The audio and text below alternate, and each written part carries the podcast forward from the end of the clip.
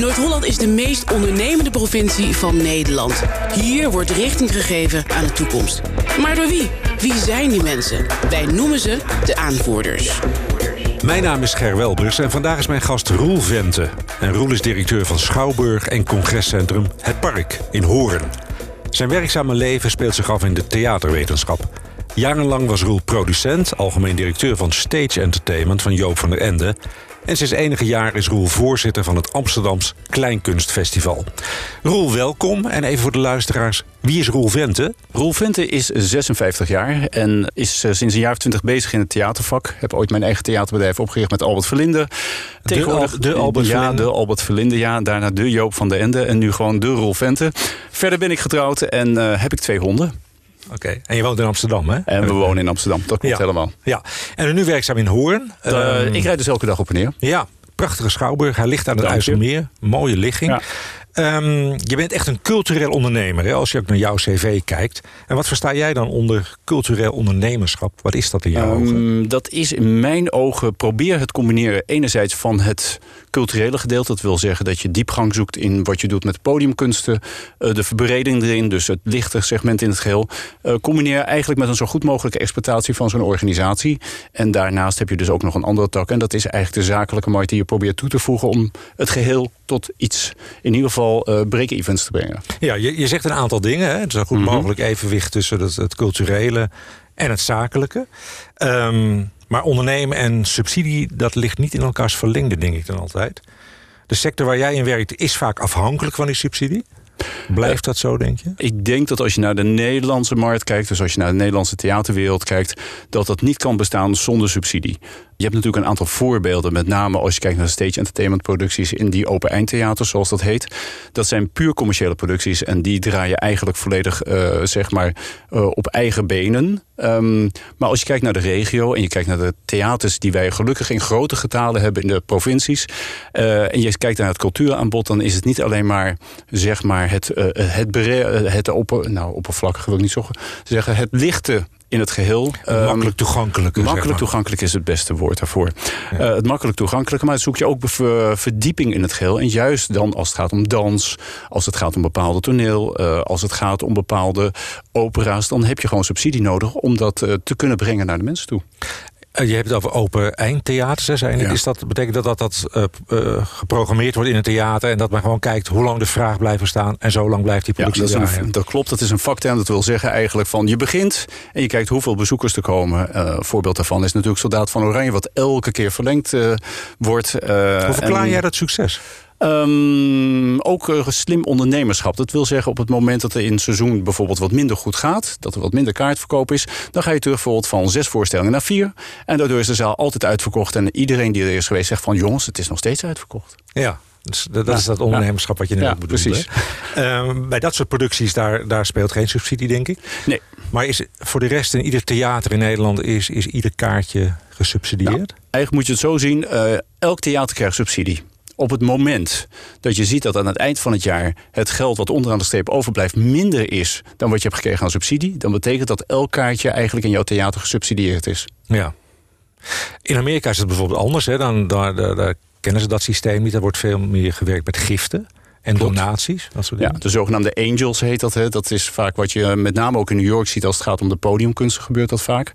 Ehm, maar dat gebeurt op een andere manier natuurlijk. Want als je kijkt naar wat je overhoudt van je inkomen per jaar, daar wordt een stuk minder belasting betaald.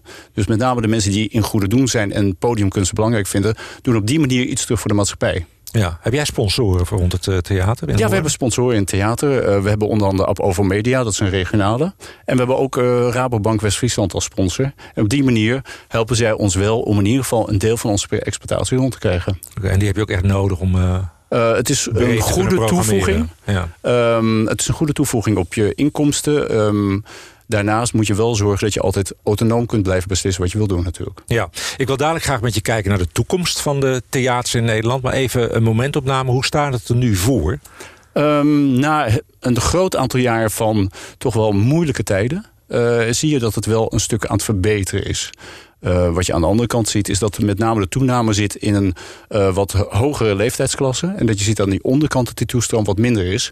Met als gevolg dat je echt ziet dat de mensen die al gewend waren naar theater te gaan, weer terugkomen. en dat met name de toestroom vanuit een nieuwe doelgroep wat lastiger is. Hoe verklaar je dat? Uh, Nederland vergrijst, dus dat is één. Mhm. dus dat betekent dat uh, je steeds meer mensen hebt die op leeftijd zijn en die gaan naar het theater toe. Dus dat is goed. Uh, anderzijds um, is de vraag of de producties die worden gemaakt altijd wel aansluiten bij een jongere doelgroep. Mhm. En dat is natuurlijk wel iets wat onderzocht wordt en naar gekeken wordt. Maar wat je uiteindelijk ziet, is dat um, je een aantal programma's moet ontwikkelen om proberen jongeren in contact te brengen met theater. Wij doen dat bijvoorbeeld door te zeggen vanaf 0 tot met 18 jaar hopen wij dat wij mensen zes keer in het theater kunnen krijgen. Wie zaait zal oogsten, om het zo maar even uit te drukken. Ja. Hoe doe je dat dan? Hoe ehm, krijg je ze binnen? Uh, ja, dat, dan komt er weer zo'n mooi woord. Dat doen we via de influentials. En de influentials zijn natuurlijk in eerste instantie de ouders. Dus dat betekent met heel jong theater, kleine voorstellingen, half uur tot een uur.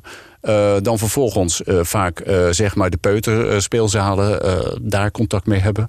Vervolgens de naschoolse opvang, de leraren. Kortom, totdat ze ongeveer een jaar of 18 zijn. En voor Hoorn geldt dat wij eigenlijk geen hbo-opleiding hebben of een universitaire opleiding. Dus veel mensen, veel jongeren stromen dan uit. En hoop je dat als ze terugkomen richting West-Friesland... dat ze opnieuw het theater weten te vinden. Nou, dus je investeert heel veel in de jeugd. Ja. Kan je daar al resultaten van zien? Uh, we hebben gezien de afgelopen jaar... we zijn nu vijf jaar bezig met het programma van 0 tot en met 18 zes keer terugkomen. En je ziet dat het aantal jongeren wat bij ons naar speciaal geselecteerde voorstellingen komen.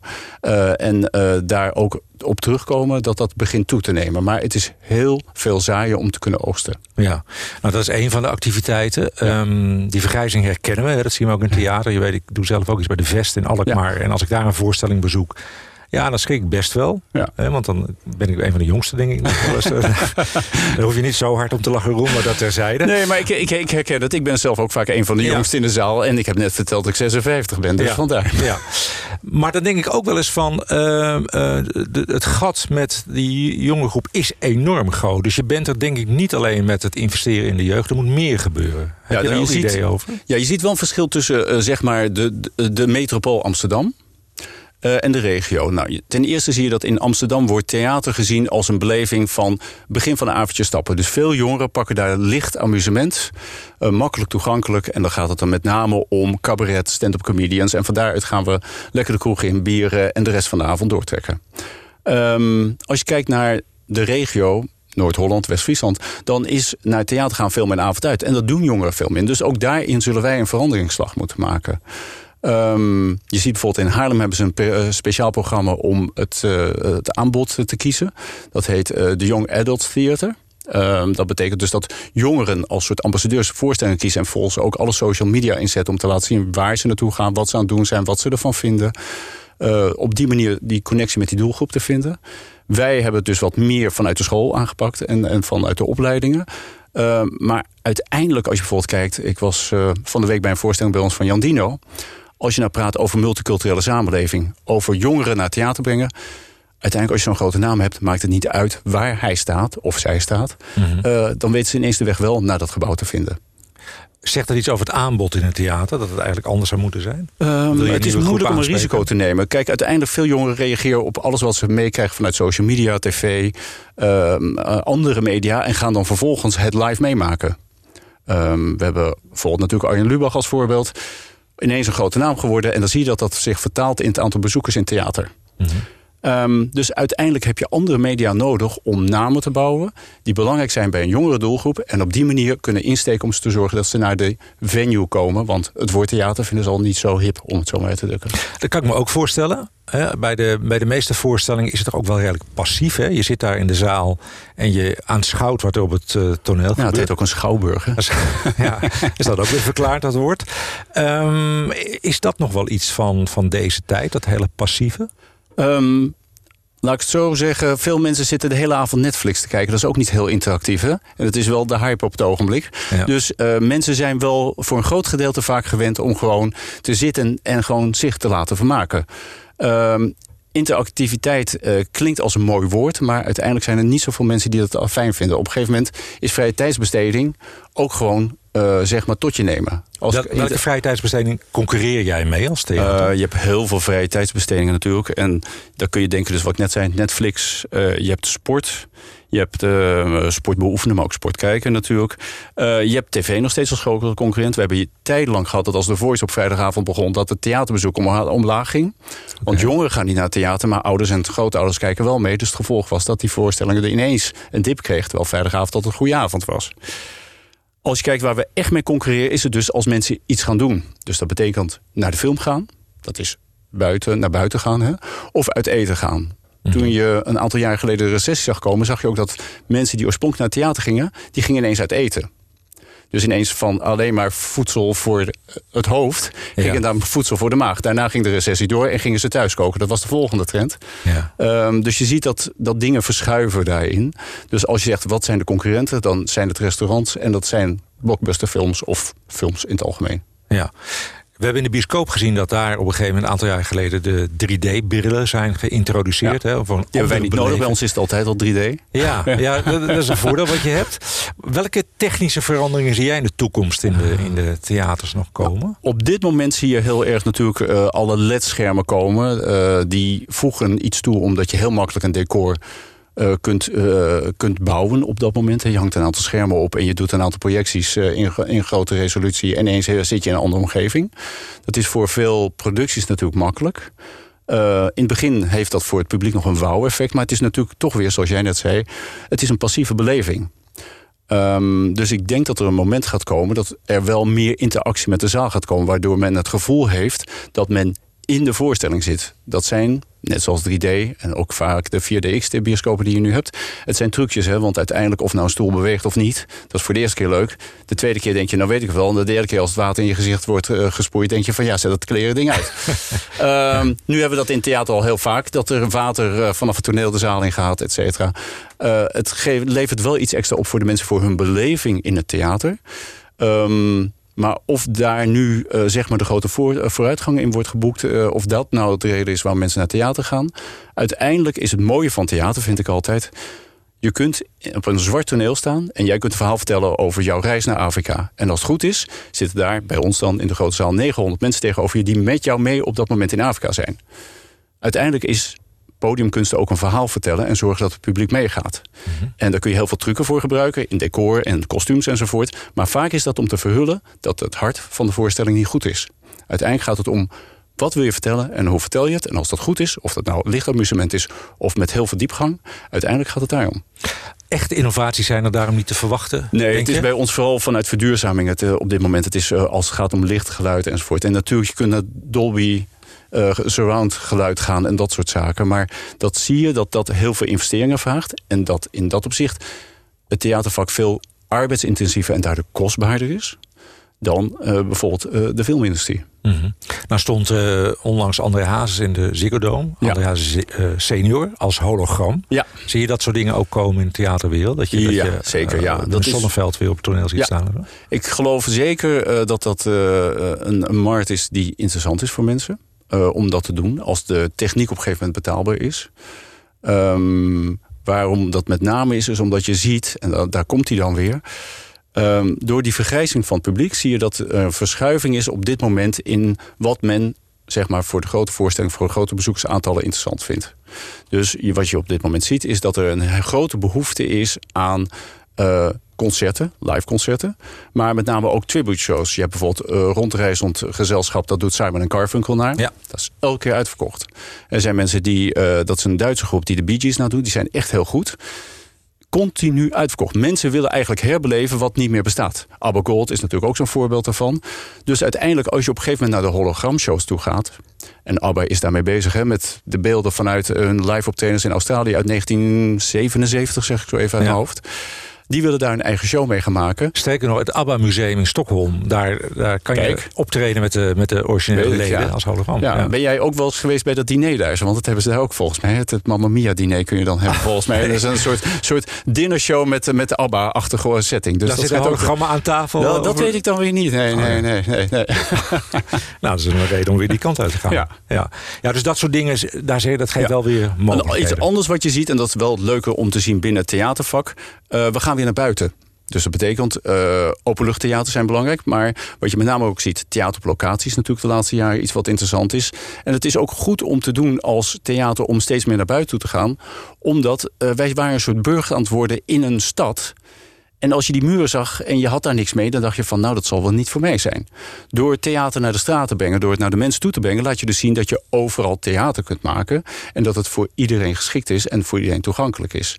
En dat is wel een nieuwe ontwikkeling die ik interessant vind. Maar ja, dan is dit weer het grote probleem in. Ik moet dat gebouw beheren. Ik ben een gebouwexploitant bijna aan het worden... in plaats van dat ik gastheer van de podiumkunst af en toe ben. En dat, dat is een moeilijke tweespalt waar we in de loop der jaren in terecht zijn gekomen. Dat komt ook in Nederland is alles heel goed geregeld. Maar er zijn zoveel wetten en regels rondom theater... en over zulke grote groepen bezoekers... dat heel veel tijd, energie en geld die kant op gaat. En om dat nu te kunnen keren op een goede manier... zodat er zoveel mogelijk subsidie, die vaak gegeven wordt... richting het podium gaat... wat uiteindelijk mijn grootste liefde is en waar mijn doel ligt... die transitie is heel moeilijk te maken. Mhm. Als je kijkt naar uh, het aanbod in Nederland... is Nederland een rijk theaterland? Ja, wij, wij, gooien elk jaar, om het zo maar even uit te drukken... omdat wij die infrastructuur hebben uit de jaren 70 vanuit de PvdA-regering... met overal in alle steden in ieder geval vlakke vloerzaal. Wij gooien dus als Nederlanders per jaar zo'n 200 tot 300, 400 goede voorstellingen... de markten in die geprogrammeerd kunnen worden voor de theaters. Mhm. Theaters moeten daar een selectie uitmaken. Die kunnen niet alles nemen. Afhankelijk van wie er wonen in de regio, wat hun profiel is. Nou, dat wat je ziet gebeuren. Um, dus dat betekent dat er heel veel wordt gemaakt in Nederland. En dat we dus ook heel goed vaak zijn. En ook vaak heel goed zijn om het handig te produceren. Want het moet vanavond afgebroken worden... en morgenochtend moet het weer worden opgebouwd worden. En daar zijn wij ondertussen wel hele goede meesters in geworden... hoe we dat doen als Nederlanders. En zijn het producties die uitsluitend voor de Nederlandse markt zijn... of gaan we er ook mee uh, de grens over? Um, de meeste producties blijven in Nederland. En je hebt heel af en toe uh, een productie naar het buitenland gaat. Nou, bekende verhalen zijn natuurlijk zoals Hans Klok... die internationaal gaat. Uh, maar dan praat je dus ook over international non-language-achtige dingen... die vaak naar het buitenland gaan. Mm -hmm. Nou zijn er ook veel theatershows die later, uh, of die worden vastgelegd hè, op video. Ja. Is dat ook een, uh, een substantiële inkomstenbron voor zo'n uh, voor nou, show? Het, het is, is meer voor de eer. Het is meer voor de eer dan dat het nou echt heel veel geld oplevert. En natuurlijk nu met de nieuwe media en de nieuwe mogelijkheden en met views via allerlei sites zou het kunnen zijn dat je daar een andere inkomstenbron kunt genereren.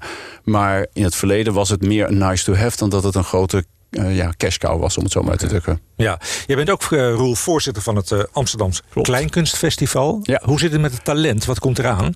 Um, elk jaar in april hebben we tegenwoordig het AKF Deluxe. Dus dat is één keer per jaar. Daarvoor hebben we voorrondes. En wat je ziet is dat er heel veel kleinkunst ja, talenten in Nederland zijn. En dat is breed, hè, want dat kan cabaret zijn, dat kan uh, op liedgebied zijn, et cetera. Um, en wat je ook ziet bij zo'n festival, dat iedereen zich kan inschrijven zie je dus heel veel voorbij komen. En het ene jaar is het, uh, het niveau waanzinnig hoog. En het jaar daarna denk je van, nou ja, wie moeten we nu kiezen? Nou hoef ik dat niet te kiezen, want ik ben voorzitter van het bestuur. Mhm. Maar ik benijd de jury af en toe niet. Uh, of omdat er zoveel talent is, of dat ik denk van, nou ja, wie zou het dan moeten worden? En dat is talent uit alle uh, windstreken, zeg maar, ja. van onze ja. samenleving. Ja, klopt. Iedereen kan in basis zich opgeven en tegen minimaal bedrag auditie daar doen in de voorrondes. En van daaruit doorstromen. En in het begin doe je een korte presentatie van 10 minuten. Vervolgens wordt dat opgebouwd naar 20 minuten. En dan richting de finale wordt dat een half uur de halve finales en de finales. En daaruit komen mensen als Stefano Keizers in het verleden bijvoorbeeld. Nou, dat is best wel een bijzonder iemand die ooit het AKF heeft gewonnen. Ja. Heb je nog meer namen die gewonnen hebben? Uh, nou, vroeger was altijd, uh, zeg maar, uh, de grap binnen het theatervak. Als je het niet wint, dan word je beroemder. Ik heb het over bijvoorbeeld Van der Laan Woe. dat zijn er een aantal. Uh, Acte en de Munnik hebben ooit meegedaan. maar tegenwoordig zie je wel dat er, dat er een groot verschil zit. En daarnaast is het festival steeds breder geworden. Dus dat betekent dat we op dit moment uh, ook de Annie M. G. Schmidprijs... die heeft nu uh, toch wel heel veel pub publiciteit... op het moment dat de nominaties bekend worden gemaakt. Uh, en daar zie je dus hele beroemde namen. Mensen die mooie nummers hebben geschreven... zoals Wendesnijders bijvoorbeeld... die dat hebben gewonnen de afgelopen jaren. Ja, dus jij bent positief denk ik ook...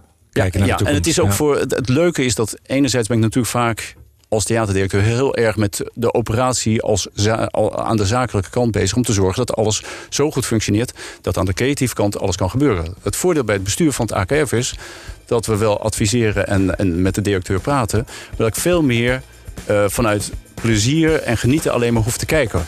Mooi. En dat ik dus Ja. niet af en toe in mijn achterhoofd moet hebben van... oh jee, eh, er zitten maar 200 man in de zaal. Komen wel uit de kosten vanavond, om Ja. het zo maar even uit te drukken. Ja. Roel, de tijd eh, zit er alweer op. Ik wil je enorm bedanken voor dit eh, gesprek. En ik hoop je over niet al te lange tijd graag weer eens even terug te zien hier bij NH Media. Tot ziens. Dit was De Aanvoerders, een podcastserie van NH Media.